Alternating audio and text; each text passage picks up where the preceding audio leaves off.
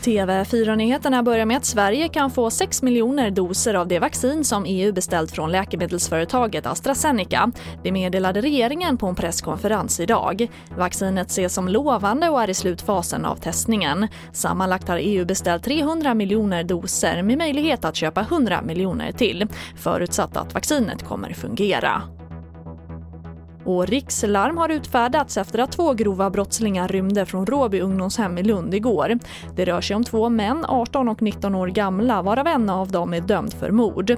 Polisen söker rymlingarna bland anhöriga och andra kända kontakter. På Råbyhemmet vårdas ungdomar i åldrarna 14 till 20 år som dömts till sluten ungdomsvård. Och en man i 40-årsåldern har avlidit och en man i 35-årsåldern har skadats svårt i en arbetsplatsolycka på ett lantbruk i Skellefteå. Det är okänt hur olyckan inträffade och polisen ska genomföra en teknisk undersökning. Även Arbetsmiljöverket kommer att besöka platsen. Och det var det senaste med TV4 Nyheterna. Jag heter Charlotte Hemgren.